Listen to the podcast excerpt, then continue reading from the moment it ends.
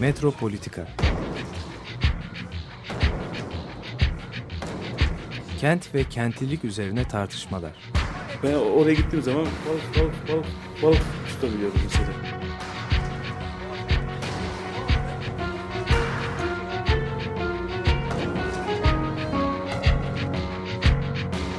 Hazırlayıp sunanlar Aysin Türkmen, Korhan Gümüş ve Murat Güvenç. Takusuyor yani. Kolay kolay boşaltamadılar. Yani elektrikçiler terk etmedi Perşembe Pazarı merkezini.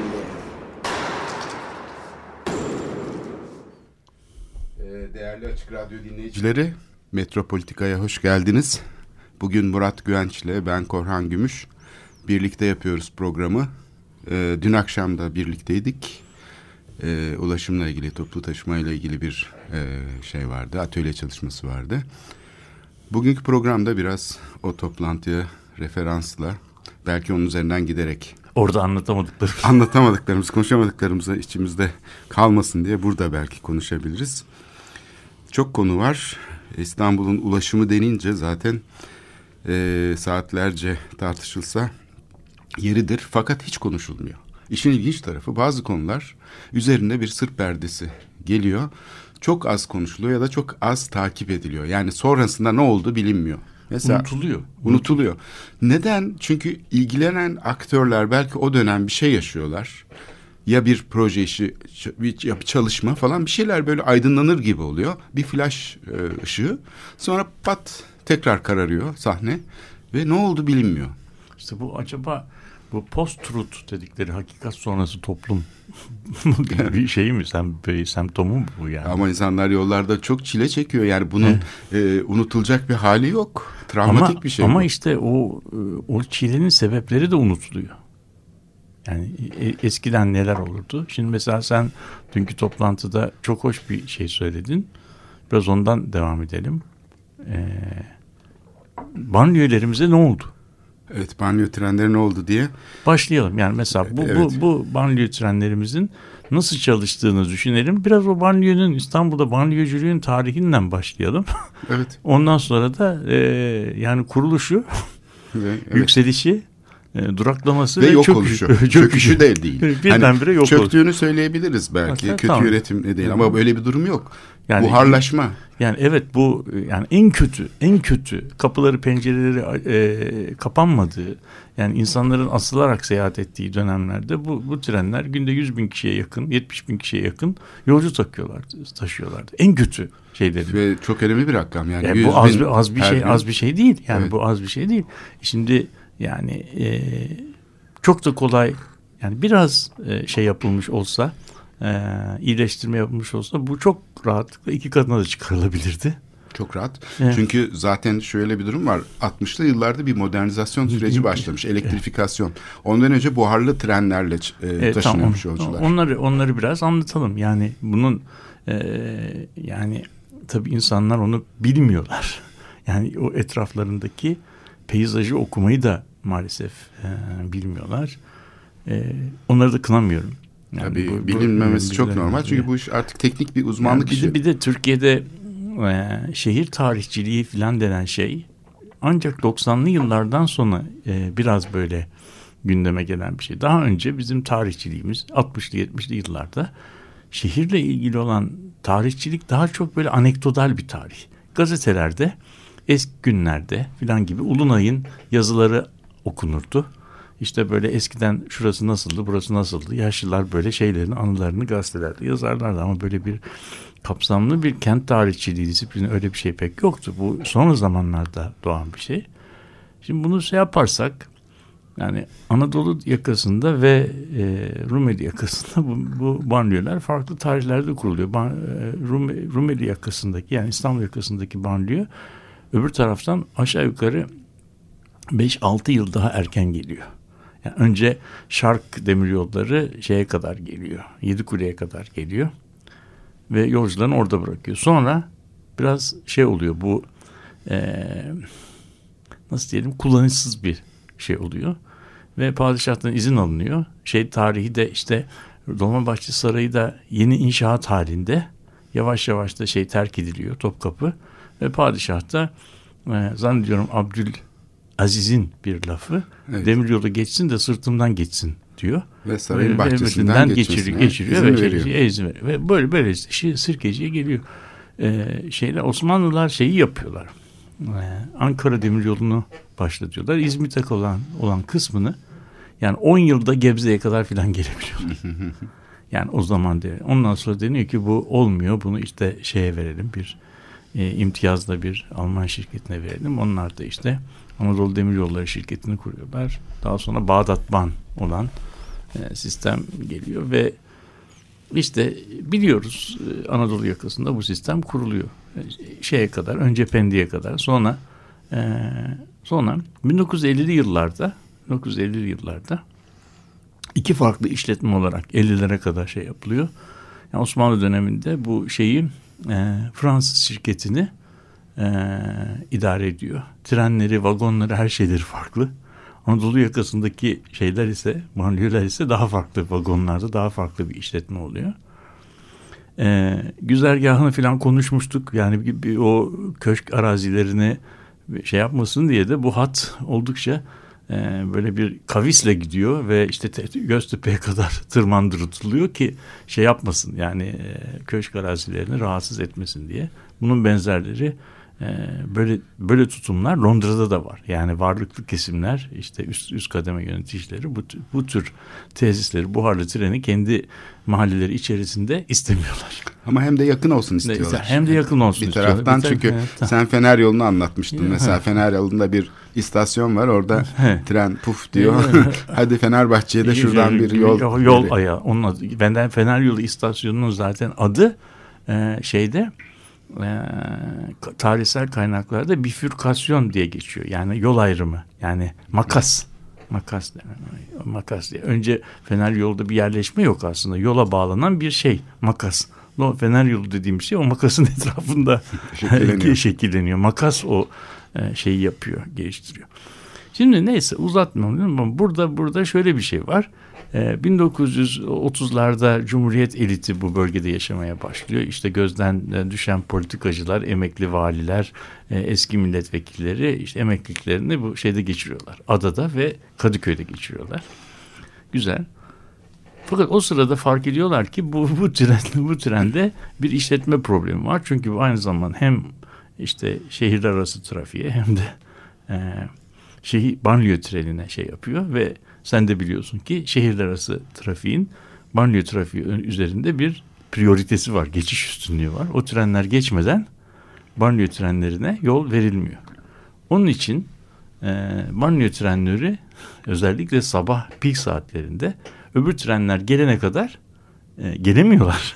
Ay bazen bir de aksilik oluyor. Mesela diyelim Ankara'dan gelen Anadolu Ekspresi ya da işte diyelim Avrupa'dan gelen işte diyelim Selanik'ten gelen falan ta Paris'ten bile geliyor. Bunun şimdi bir üstünlüğü var tabii. Bir kere saati tam da belli değil. Çünkü Nasıl- yolda nasıl da bir takım gecikmeler E, olmuş. tabii nasıl 1500 kilometreden geliyor tren. evet ona şimdi kalkıp da 15 dakikada bir banyo treni içine sokarsan aynı hatta evet, evet. burada bir karışıklık oluyor. Evet. Bazen diyelim okula gideceksin. Sabah işte Kızıl Toprak'tan ya da Fener yolundan Tam istasyona saatinde gidiyorsun. yerdesin. O, o da- Saatine bakıyorsun. 9'da okulda olman lazım ya da 8.30'da. Saat 7.30'da çıkmışsın ya da 7 çeyrek geçe. 7.30 e, şeyini trenini yakalayayım. E, gelmiyor. Diyorlar ki bir gecikme oldu. İşte Sabah Erenköy'de, 6.30'da Eren, Erenköy'de bekletiliyor falan diye anons yaparlardı eskiden. Evet. Yani o gecikme de işte başka bir e, Katar'ın başka bir şeyin geçecek olmasından dolayı Tabii. alt üst oluyor tabii. O gün okula gidemiyorsun mesela. Veya işte dersini kaçırıyorsun şey yapıyor. Yani bu bu e, 30'lu 40'lı yıllarda da varmış ve bu sıkıntı hem o trenlerin pisliği, yani banliyö trenlerinin buharlı oluşu, kurum, e, duman hem de bu gecikmeler işte bu trenin çekiciliğini azaltıyor ve işte 30'lu yıllarda başlayan talepler üzerine o bölgede Üsküdar ve Kadıköy Halk Tramvayları şirketleri diye bir şirket kuruluyor. Bu özel bir şirket aslında. Kömürü ayrı. E, tabii bu Kömür e, kiri a- silahtara elektrik işte fabrikasında orada kalıyor. orada uzakta kiri öbür tarafta kalıyor ama daha temiz ve nezih e, tramvaylar içerisinde ve tabii çok düşük yoğunluklu bir yerde uzun bir tramvay işletmeciliği yapıyor. Ki düşünebiliyor musunuz? Tramvay Moda'ya gidiyor, Fenerbahçe'ye gidiyor ve 9 kilometre ötedeki şeye kadar gidiyor. Kısıklı'ya gidiyor mesela. Kısıklı'ya Yokuş gidiyor. çıkarak. Yokuş çıkıyor. Çamlıca'ya kadar gidiyor çıkıyor yani. ve şeye çıkıyor. Aynı zamanda Ba- Bostancı'ya kadar çıkıyor Evet. ve bu şirket, şirket elbette tahmin edebileceği gibi acayip zarar ediyor. Olsun. ama, ama ondan sonra neyse yani e, 1955 yılında önce Ataköy projesini canlandırmak için e, Sirkeci Halkalı hattı elektrifiye ediliyor. Ondan sonra da tramvaylar söküldükten sonra 60'ların sonunda bu sefer e, Pendik'e kadar olan hat e, elektrifiye ediliyor. Bunun da tabii çok ilginç bir tarihi vardır. Bizim oradaki köprüler, Kadıköy'deki köprü, köprülerin tamamı buharlı trene göre yapılmış köprülerdir. O köprülerin altından elektrikli trenlerin o arşe dedikleri elektriği aldığı şey çok yüksek geliyor geçmiyor. Onun için bütün o köprüleri aşağı yukarı bir metreye kadar hidroliklerle tepesinden kesip yükseltmişlerdir. Ha, bazı ortası kesik Ee, çelik işte- köprüler işte- vardır işte o yüzden. O, o tabii o, o Hmm. arşeler geçsin diye. Onların ben Evet. çok çocukluğunu hatırlarım. O, onun şeyle binayla olan bağlantısını kestiler. Aralarına hidrolikleri koydular. Krikolarla köprüleri kaldırdılar. Ondan o, o böyle bir şey yaptılar. Ve bu sistemde işte e, yatırım yapılmamasına rağmen 2000 kaç yılına 2007'ye kadar bu banliyö trenleri e, o peyzajın parçası olarak işte 60-70 bin kişi günde taşımaya devam ettiler. Ondan sonra bu Marmaray meselesi geldi ve proje başlar başlamaz neredeyse bir sene sonra daha inşaat halindeyken bizim banliyölerin tamamını söktüler. Evet. Yani burada Yani zaten bundan sonrasını sen anlat. Ben de şey yani bir gözlemimi anlatayım. Hani bu şey e, bugünkü başbakanımız şey diyor. Merak etmeyin diyor. Yani banliyö trenleri çok kısa bir süre sonra yani işte iki sene içinde hatlar yeniden yapılıyor. Hizmete alınacak diyor ki bunu söyleyeli de kaç sene olmuş. Yani bir normalde bir 10 senelik röter var bütün projede ama bunu da söyleyeli 5 sene falan olmuş. Yani şimdi öyle bir durum var ki Haydarpaşa Garı'na gittiğimizde orada muazzam bir tren mezarlığı görüyoruz. Bunlar yalnızca işte e, 60'lı yıllardakiler zaten çoktan tasfiye edilmişti. 90'lı yıllardaki e, yeni banliyö trenleri değil. 2000'li yıllarda alınmış modern banliyö trenleri de orada. Yani e, sadece şey değil muazzam bir şey mezarlığı var. Halbuki bu ray sistemi kalsaydı bu ray sistemi kalsaydı onlar belki Anadolu'da başka bir yerde hizmet veriyor olabilirlerdi. bir yere taşınabilir. Şimdi oradan çıkamıyorlar da değil mi? Hiç hat kalmadı ki orada kaldılar hepsi mezarlığa dönüştü ama daha vahim olan şeye gelelim. Şimdi bu Marmaray projesinin e, çok güzel görkemli bir açılışı yapıldı. Herkes memnun falan. Fakat Marmaray işte başlangıçta e, 2011 gibi öngörülen bir bitiş tarihi vardı. E, 76 kilometrelik bir hattı. Bunun 13 kilometresi çalışıyor. Yani bir metrobüs hattından daha kısa bir şeye dönüştü Marmaray. Şimdi bu bununla e, şeyi bir düşünelim. Demin konuştuğumuz konuyu. Şimdi bu 13 kilometrelik hat aslında bir tür hani e, hani bizim bu tünel gibi falan bir taşıma aracına dönüştü. Yani bir metropoldeki ulaşım sisteminin omurgası olarak kullanılmıyor aslında bakılırsa. Aslında onun için yapıldı. Taşıma kapasitesine de bakıldığı zaman Çok ileri bir tesis. Evet yani bir milyon günde yolcu taşıdığı zaman aslında birinci ve ikinci köprünün yükünü yarı yarıya azaltabilecek. Hatta birinci köprünün içinde bisiklet yolu bile açılabilecekti. yani bu çalışırsa bu Marmaray e, belki de karayolları bunun için çalıştırtmıyor olabilir. Ah, bu- bunu da İnsanın tabii. içine öyle bir kuşku da Ben geliyor. geliyor, evet. Çünkü köprü gelirleri bu süre içinde, kullanım süresi içinde kendi e, maliyetlerini böyle 10 kat falan çıkarmış durumdalar. Yani kendi maliyetlerini özellikle birinci köprü yani bunun orantısını söylemek zor 12-15 kat falan çıkarmış durumda. İkinci köprü kendi kullanım şeyini 6 kere çıkarmış durumda falan. Dolayısıyla Marmaray'ın efektif çalışması demek e, Karayolları Genel Müdürlüğü'nün zarar etmesi manasına da gelebilir. Şimdi bu tuhaflık da var. Yani bu tuhaflıkları da konuşmak lazım. Onun için mi Bence çalıştırılmıyor? bence kes etsin yani. Ben ben ben o- ondan hiçbir e, sıkıntı duymuyorum. Yani çünkü insanlar daha hızlı işlerine gitmek değil mi? Ulaştırmanın e, amacı insanları saatlerce köprü kuyruklarında bekletmek falan olmaması lazım. Amaç yani, ne? Yani, Yani amaç var biz o Kar köprüleri etmek mi? yani o, yani o, o bir e, kar amacıyla yapılan bir iş değildi yani değil mi köprülerin e, o şekilde işletilmesi? Evet. Ama şurada bir problem var. Şimdi Marmara'yı tasarlarken Ulaştırma Bakanlığı kendi hattı üzerinde tasarladı. Bunu hep söylüyoruz.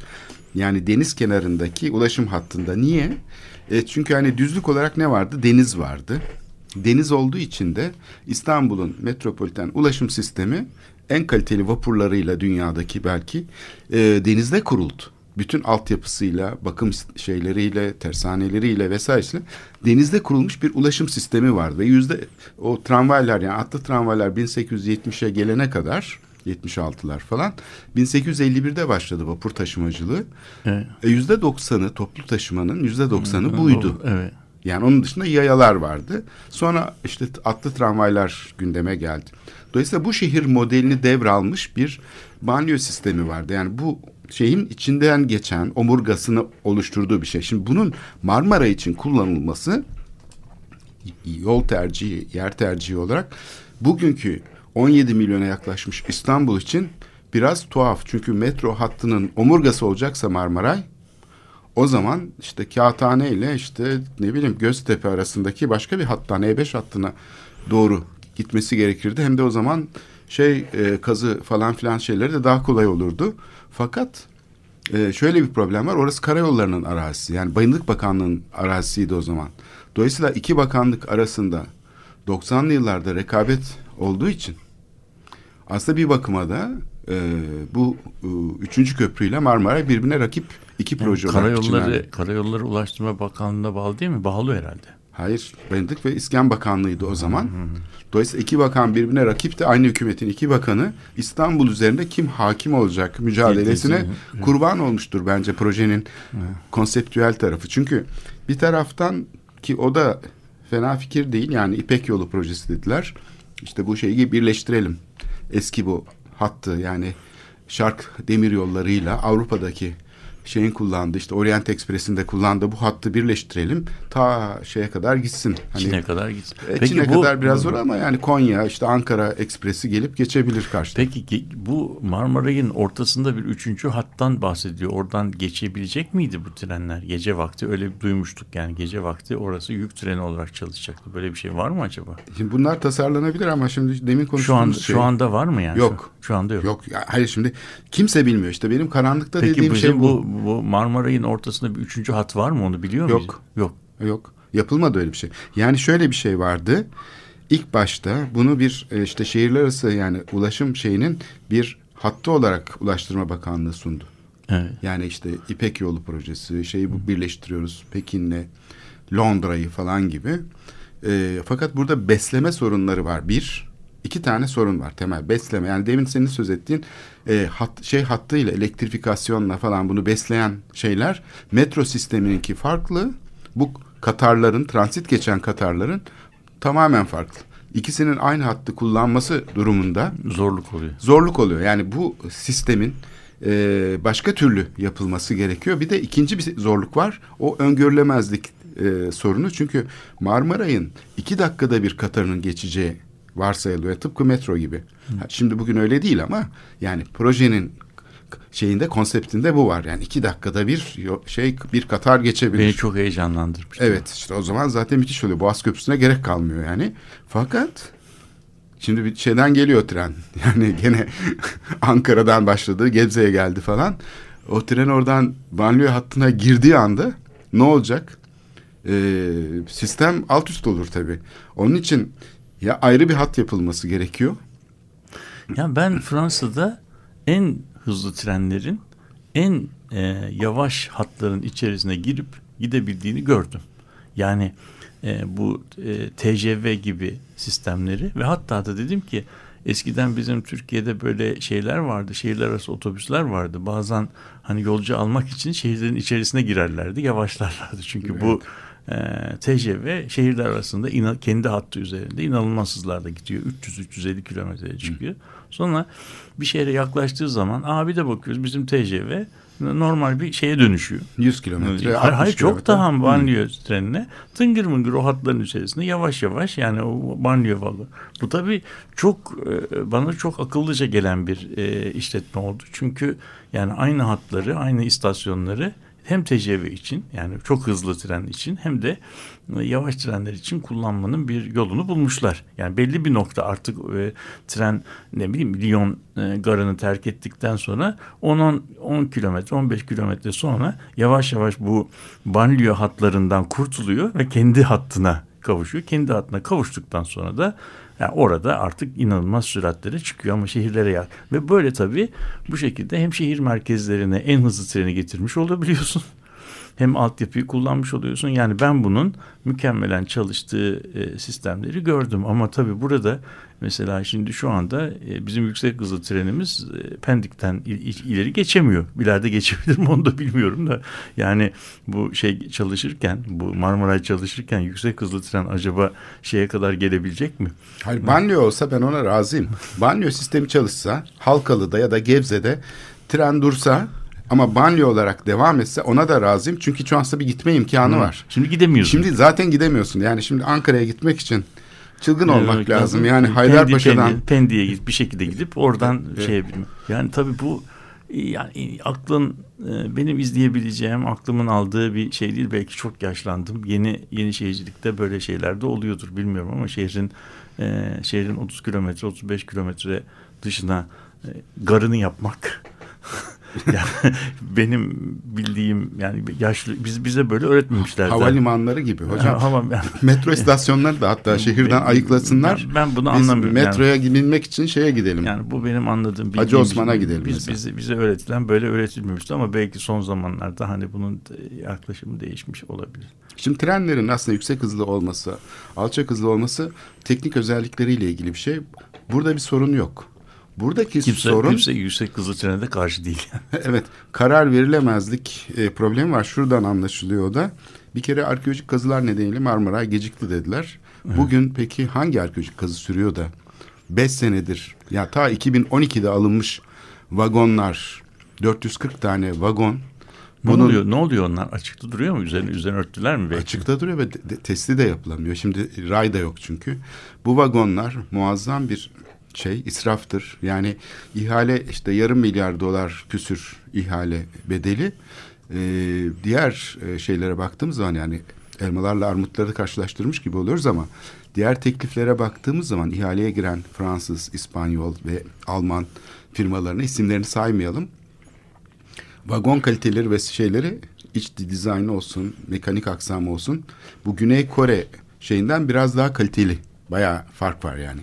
Bunun fiyatının birazcık daha ucuz olması Tercih tamam, nedeni oluyor. Tercih nedeni oluyor ama biraz elmalarla armutlar ölçülmüş gibi oluyor. Ama buna karşılık yüzde doksanını vagonların çürütmek bu gerçekten israf. Yani Peki şöyle bir şey yani biz bir eskiden bize yani gene eski zamanda kamu yönetimi e, okutulurken şey denmişti. Yani kamu karar vericinin müdebbir tüccar gibi e, davranması. Yani tedbirli bir e, tüccar gibi davranması. Yani kamu kaynaklarını rasyonel olarak kullanması. E şimdi bu e, hattın bütün vagonlarını önceden alıp bir yere e, şey yapmak hatta inşa edilmeden bütün vagonları alıp bir yere e, yığmak e, bize öğretilen yani şeye göre çok makul bir kamu kaynağı kullanma e, yöntemi olmasa gerek diye düşünüyorum. Ne dersin? e, bu otomobil gibi bir şey değil. Sipariş üzerine üretilen bir şey. Evet yani, ama vagonlar- gene yavaş yavaş üretsinler. Trenler şeyle üretilmiyor. Yani Tabii biliyorum üretelim de piyasaya sunalım diye Evet, değil. Yani bunu dedik Dolayısıyla Türkiye yaptığı ihalede Yani teslim tarihini belirliyor. belirleye- Belirleyebilirdi. Yani diyebilir ki bir şu kadar şu tarihte şu kadar şu tarihte şu kadar adamlar da ona göre kendi üretim planlarını yaparlardı. Va- Vagonların hepsini ürettirip getirip İstanbul'da garaja koymak garaja koymadılar açıkta bekliyor zaten. Ya E, bu kadar garaj da yoktur zaten. 400 tane Katar'ı alacak garajımız, kapalı garajımız da yoktur yani değil mi? Evet küçük bir bölümü kullanılıyor. Beşlik e, şeyler. Diğerlerinin e, ray sistemi açısından uyumlu olmadığını, istasyonların içinde uzun geldiğini, e, geri dönüş e, şeylerinin bulunmadığını, yani gidiş gelişte biliyorsun kısa hat olduğu için Evet. geri dönemiyor. Dolayısıyla denemesinin dahi yapılmadığını, ne Güney Kore'de üretildikleri yerde denemelerinin yapıldığını, çünkü arıza da çıkarabilir. Hiç orada deneme yapılmadan konmuş e, şeye gelmiş gemilerle. Burada da denemesi yapılamıyor çünkü hat yok. Yani bu hat inşa edilmediği için onlara uygun bir şekilde. Ee, burada tabii çok daha e, çarpıcı bir şey var. Yani görünmeyen bir sorun var. Görünen sorun vagonlarımız yarım milyar dolar para harcanan vagonlarımız çürüyor. Ama İstanbul zengin nasıl olsa yani. Yani problem değil. Ağanın e, eli tutulmaz. Onun için biz gene de övünebiliriz. İşte yaptık ettik Hayır, falan. bir çürüme meselesinin ötesinde şöyle bir şey var. Biz bunları aldığımızdan bu zamana kadar da belki teknoloji de değişiyor değil mi? Gelişiyor. tabii yani, değişiyor. Yani biz o teknolojiden de bu şekilde mahrum kalmış oluyoruz. Yani 5 senelik vagonu şimdi satmaya kalk mesela. Onda birine satamazsın. Yani Çünkü tek bunun bir vagonun maliyeti 15 milyon dolar diyelim bugün parasıyla. 15-20 milyon dolar. Bunu ikinci el olarak sattığın zaman 2 milyon dolara düşüyor hemen anında. Çünkü yani evet çünkü teknoloji değişmiş oluyor değil mi? Yeni yeni frenler, yeni motorlar, yeni şeyler, belki daha az yakan E, motorlar. Bir de kullanılmamasının yarattığı Bir e, şey var. eskime var. E, Evet. Kullanılsa belki daha iyi çünkü parçalar bakımdan geçer falan. Öyle hiç kullanılmadan kapalı kalınca paslanma oluyor. Bir takım elektronik devrelerde bozulma oluyor. E, ayrıca tabii şey de var. Bu finansman e, Marmaray'ın finansmanı bu 150 bin yolcuyla karşılanacak bir finansman değil. daha yüksek finansman, daha yüksek Marmaray'ın feasible olması için 800 bini geçmesi gerekiyor. Yani tıpkı nasıl sıkıştırmak mı lazım biraz Şimdi daha? son kamunun yaptığı proje olduğu için Marmaray biz bunun çelişkinin farkında değiliz ama diğerlerinde e, yap işlet devlet olduğu için orada Aradaki farkı ödüyorum. biz ödediğimiz için orada pay ortaya çıkıyor. Deniyor ki mesela 3. köprü için geçiş garantisi 135 bin, Avrasya Tüneli için 70 bin, yaklaşık işte 205 bin, 203 bin e, şeye ge- geçişlik, araç geçişlik e, bir şeyi var, garantisi var. Dolayısıyla bu garantiyle baktığımız zaman e, Marmaray'ın çalışması demek aslında gene bizim cebimizden para çıkacak demek. Çünkü onların bu sefer eksik kapasiteyle çalışması demek e, bunun gene e, vatandaşın cebinden çıkacak olan bir e, para olmasını getiriyor. Bunu istersen biraz sonra devam edelim. Müzik arasıyla e, bir nefes alalım. İstersen bu ulaşım işine hızlı girdik biraz. Zero Set'ten dinliyoruz. Recall.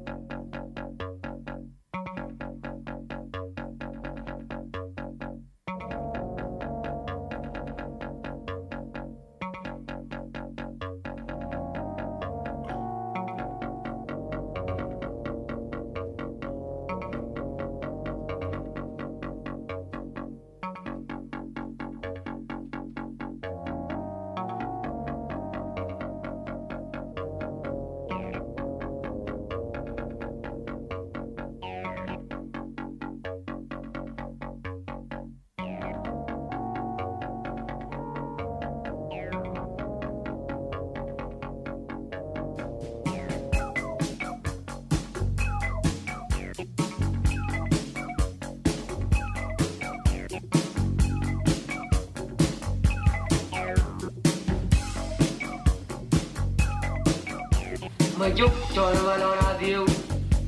Arwah, jangan tuh jadi jalan, maju tuan tuh chalwa la malwa.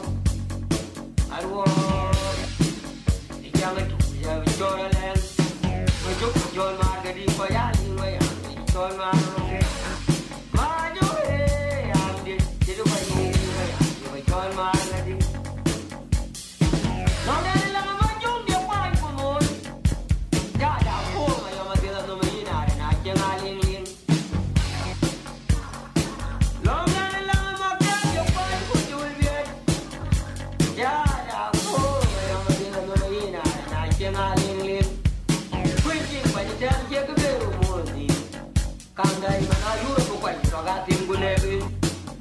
your lips.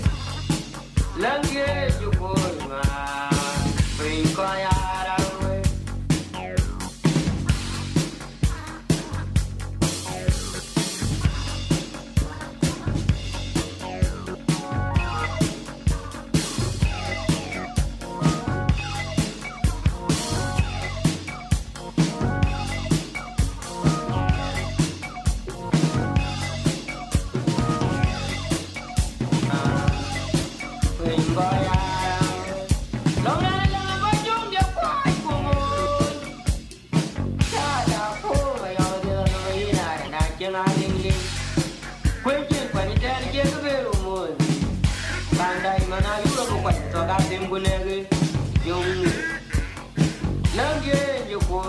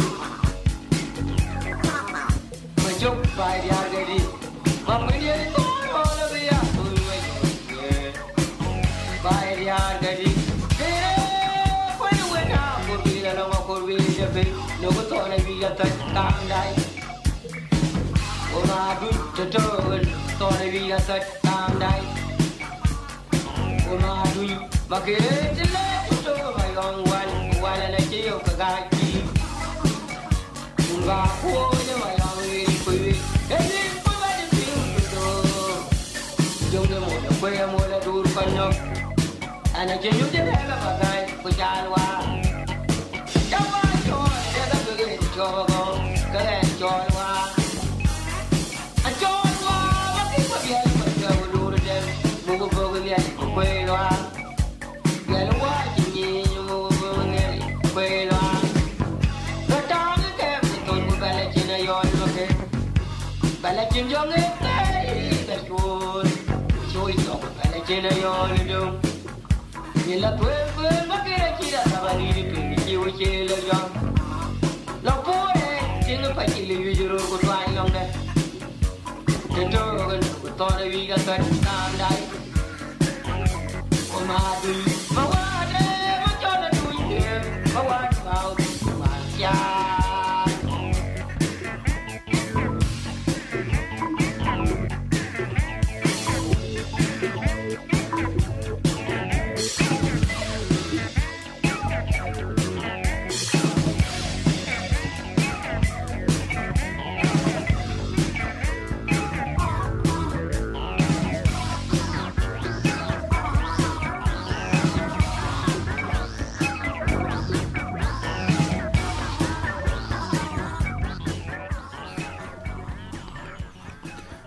programın ilk yarısında e, raylı sistemleri konuşuyoruz İstanbul'da ve burada Çok acıydı. Marmaray projesinin bir şeyini diagnostiğini çıkarmaya çalışıyoruz. Yapmaya çalıştığımız şey bu. Tabii e, dışarı fazla bilgi sızmadığı için resmi web sitesinde yayınlanan rakamlar ve şeyler üzerine konuşuyoruz. Bir de Önder Algedi'nin Gazetede Duvar'da 25 Nisan e, günü yayınlanan yazısına da referans vermek istiyorum. Çünkü onun ben yaklaşık- de okudum. Teşekkür ederim. Yani çok hakikaten. iyi bir analiz yapmış. Yani aslında bütün bu şehir ölçeğinde Ama uzun değil. Yani biraz bir o da tabii eldeki olan bilgileri birbiriyle ilişkilendirebiliyor. Çok önemli bir yazı tabii ama biraz düz düşünmemiz lazım. Yani bu işte bu işte yani bilemiyorum ben bu bu kadar e, bu kadar e, bilinmezler içerisinde. Yani mesela acaba bu Marmaray web sitesi en son ne ne zaman güncellenmiş? Bunu bakmalıyız yani. Ben mesela ben şöyle Marmaray'da şöyle şeyler e, gördüm. Bu vagonların diğer vagonlar hani kullanılmayan çürüyen vagonlar var ya onları sanki kullanılıyormuş gibi gösteren açıklamalar var. Çünkü o açıklamalar şu şöyle yapılmış. Bu vagonlar işte şu tarihte işletmeye alınacak deniyor. O tarih çoktan geçmiş iki sene olmuş. Ama vagon alınmadığı için e, bilmeyen e, şeyler belki de biraz kasıtlı da yapıyorlar. Sanki alınmış gibi gösteriyor. Halbuki alınmadı. Peki belki arada vagon, çalışan vagonları dinlendirip araya da münavebeyle Olabilir tabii. Bu da mümkün. E, bu refah toplumunun bir özelliğidir. Tamir etmek, bakım, onarım yapmak yerine ufacık bir arıza çıktığında at kenara yenisini kullan. Mesela olabilir ama benim burada şeyin Önder Algedi'nin analizindeki şey benim geçmişte çok böyle yani şey yaptığım hınzır bir şey. hınzırca hissettiğim bir şeye dokunuyor. Çünkü hep diyorduk ya hani e, şehirselleştirilmesi gerekir ulaşım projelerinin. Yani bunun sadece ulaşım hatta master planı falan gibi de değil. Bütün şeyiyle ilişkiselliğiyle ele alınması lazım bu tip konuların. Şimdi şehir ölçeğinde 90'lı yıllarda 2000'li yıllarda merkezi otoritenin şeylerinin diyelim ki e, kamu e, yönetimlerinin, seksiyonlarının, departmanların birbirine rakip olduğunu görmüştük. Yani üçüncü köprüyü yapmak isteyen karayolları lobisiyle demiryolu lobisi çatışma halindeydi. Ve Marmaray projesi bu ortam içinde şekillenen bir proje. Yani bu atmosfer onu biçimlendirdi. Ve buna işaret etmeye çalışıyorduk. Önder Algedik de tam da buna dokunuyor. Bugün bu ulaşım işlevleri arasındaki aslında kamu içindeki rekabete.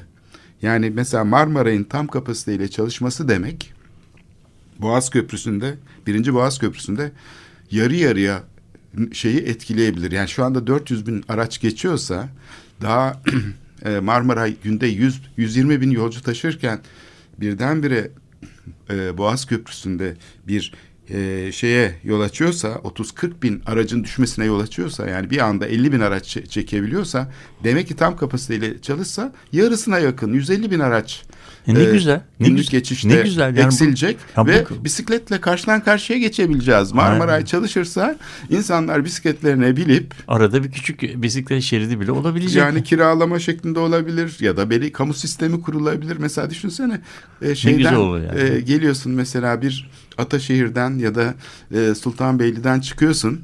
Bisikletle Mecidiyeköy'e geliyorsun. Ne kadar güzel bir şey bu.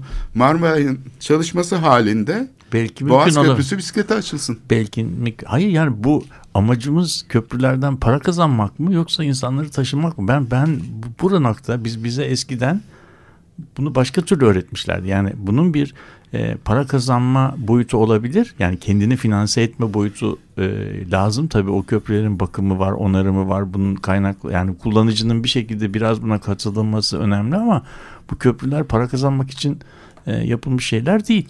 Yani onlar değil mi? Yani kamuya e, kamu Hizmet için. hizmet- ya- yani kamu hizmetinin de bize öğretildiği zamanlarda eskiden yani kamu hizmetinin de yani pi- kamu hizmeti şöyle bir şey yani insanların e, sağlanmasından memnun olduğu bir miktar ü- ürü- para e, şeyine yani e, harcamalarına da katılmaya gönüllü oldukları fakat özel sektörün de ve yapmaya çok da e, rıza göstermediği şeyli olmadığı işlerdir. Yani kütüphane yapmak, park yapmak efendim e, bunlar yani özel sektörün çok e, çok fazla e, şeye e, yapmaya İstekli E, olmadığı orada da işler. Yani işlerdir. kar edilmiyor çünkü bu E, işlerde. Evet. Bir ama yok. ama insanlarda bir e, bir şehirde de böyle bir kütüphanesi olması da bir şehrin bir gurur kaynağıdır. Çünkü kütüphane aynı zamanda o insanların değil mi kültürel kapitalini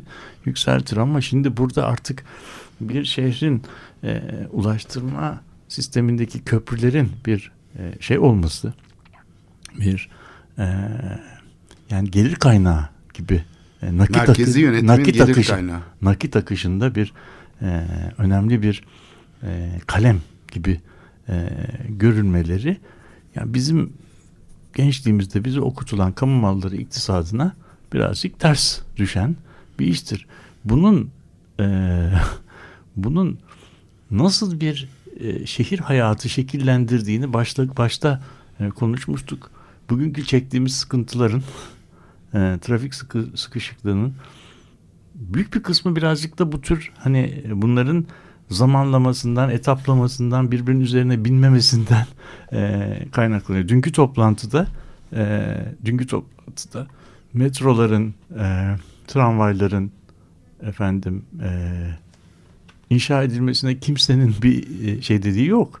Ama bunlar arasındaki bağlantılar, bunların gü- gündelik hayata katılım kanalları o kadar kötü tasarlanmış, o kadar kötü planlanmış ki yani işte bir e, çocuklu annenin Altunizade du- durağında metrodan şeyinden metrobüsten inip e, sokak kaldırımına erişebilmesi için sarf edeceği e, emek inanılmaz.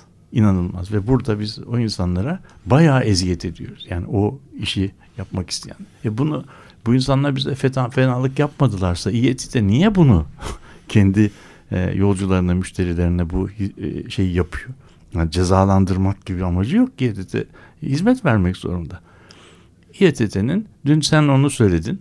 Ee, Osman neydi? Hacı Osman'daki e, metro istasyonundan e, yeryüzüne çıkış. E maşallah yani herhalde dünya e, dünyada bu kadar e, yü- yürüyen merdiveni olan ve bu kadar az kullanılan bir metro istasyonu olamaz. Yani bu oraya yatırılan belki ileride 70 sene ileride Hacı, Hacı Osman istasyonu çok e, Ama o büyük zaman hacim- kadar eskir yani o merdivenler. hayır bir de yani ama bunu bir evin deterjan ihtiyacını 60 senelik deterjan ihtiyacını önceden alıp bir yere koyup ben bunu bir şekilde kullanırım demek çok e, akıllı bir yani rasyonel bir yatırım yatırım pro- e, davranışı olmasa gerek diye düşünüyorum. Bize eskiden böyle öğretilirdi. Bunun bir zamanlaması değil mi? Bir nakit akışı şemaları vardı. Ben ben bunun uzmanı değilim ama işletmeciler eminim bu tür şeyleri e, çok daha iyi yapar. Yani metro hattımız niye mesela anlayamadığım şeylerden bir tanesi, izleyemediğim şeylerden bir tanesi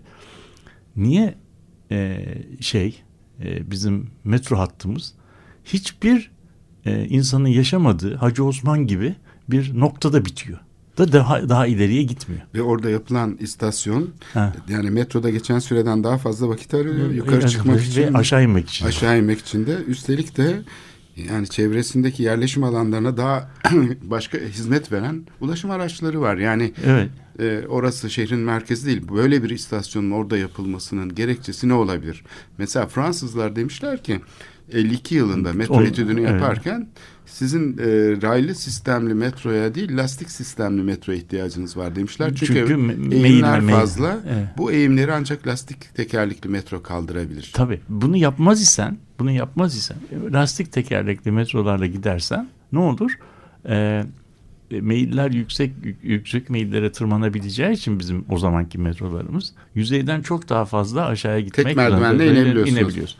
Evet. Ama sen bunu e, şeyle e, demir tekerlekli metroyla gidersen o zaman yüzeyden aşağı inmek için e, tüneldeki sendrom olur. Yani tünelde başlıyorsun Şişhane, inmeye, tünel, şişhane evet. istasyon. Yani bunlar e, inanınız e, yani bunlar inanınız e, dünyanın en iyi işletmecilik ve en e, insancıl belediyecilik örnekleri değil.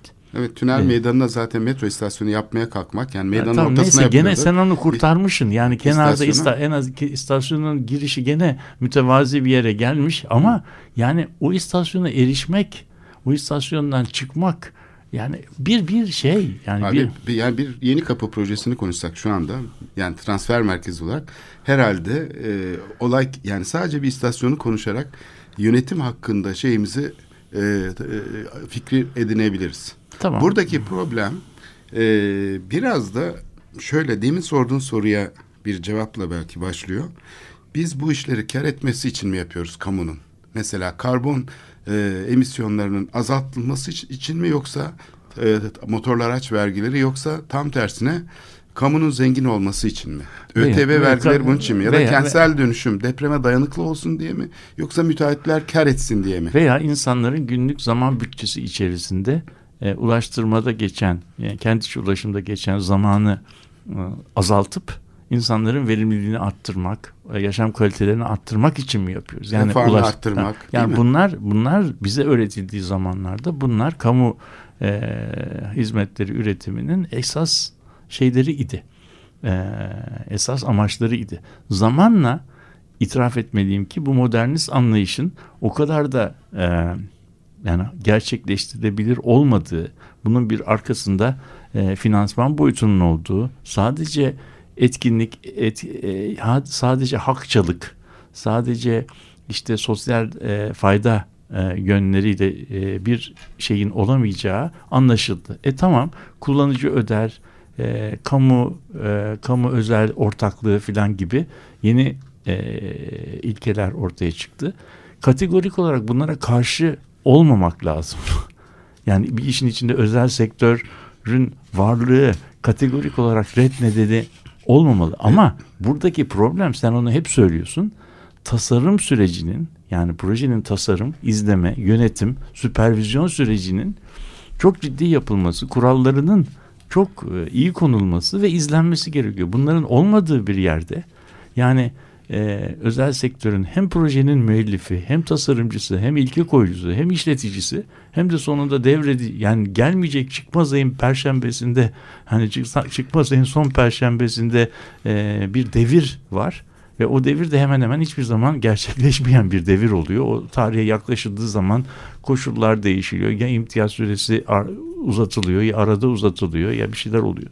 Ve bu şekilde yani yeni bir yeni bir e, kent yöneticiliği anlayışına e, çok hızlıca ihtiyacımız var ama e, bunları konuşmak için en e, olumlu zamanlarda mıyız? Ondan da doğrusu e, emin değilim bilmiyorum. Belki, Belki de... etkisi vardır çünkü şöyle söyleyeyim e, bu modern e, yönetim fikrinin oluşturmuş olduğu bu muazzam değişiklik kurumlarıyla ve bilişsel düzeniyle bir kalıntı gibi algılanıyor şu anda. Yani hem raylı sistemler hem kamu hizmetleri modeli. Oysa ki e, bunu dönüştürme kabiliyetimiz olsa bunu sadece siyasi tercihlere bağlamasak Türkiye'deki problem biraz buradan kaynaklanıyor. Sanki sadece siyasal tercihlerdeymiş gibi sorun anlaşılıyor.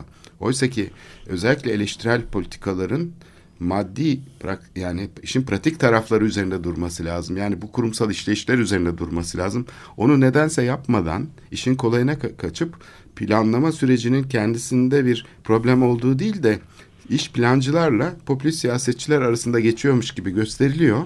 O zaman hep bir taraftan bakmış oluyoruz meseleye. Oysa ki bütünlüğü içinde baktığımız zaman yani sadece içinde bulunduğumuz uzmanlar grubu olarak işte siyasetçileri suçlamak yerine biraz da bu bilişsel sistemin nasıl örgütlendiğine baksak mesela İstanbul'un planlarının nasıl yapıldığına baksak o zaman daha bütüncül bir yaklaşım getirebiliriz. Buradaki iyileşmeyi sağlayacak, değişikliği sağlayacak şeylerin başında bilişsel sistemin özerkliği geliyor. Yani plan ve proje işlerinin ihale veya protokolla yaptırılması değil, paradigmatik şeyde geliştirilmesi. Yani kritik bir düşünce ortamı oluşturacak şekilde özelleştirilmesi. Çünkü kapitalizmin, piyasa aktörlerinin gelişmesi için de bilişsel sistemin özelliğine ihtiyaç var. Yani onların bağımlı olması aslında bütün sistemin nefes almasını e, engelliyor ve sistemi tıkıyor.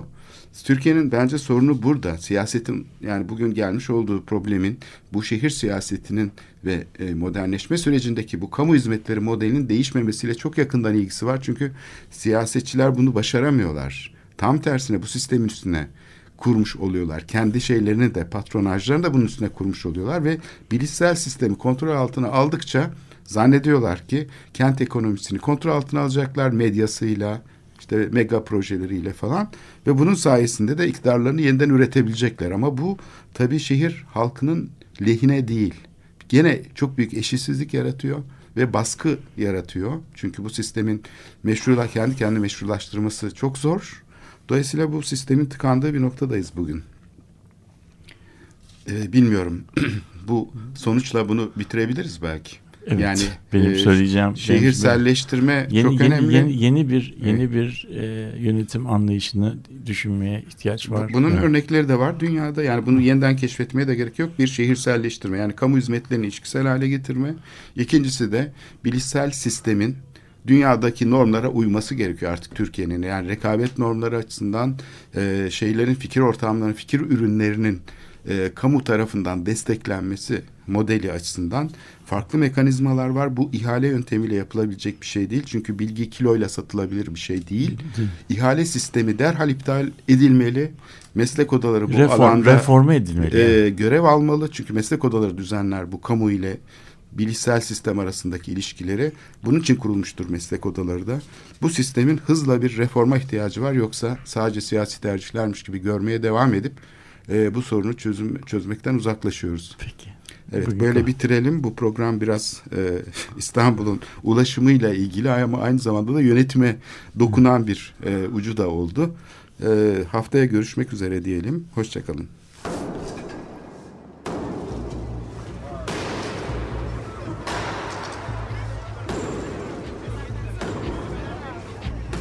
Metropolitika Kent ve kentlilik üzerine tartışmalar. Ben oraya gittiğim zaman balık balık balık balık tutabiliyordum mesela.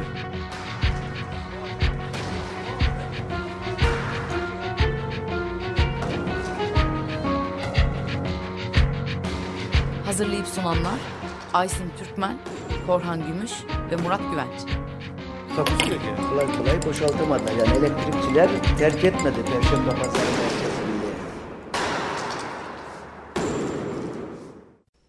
Açık Radyo program destekçisi olun. Bir veya daha fazla programa destek olmak için 212 alan koduyla 343 41 41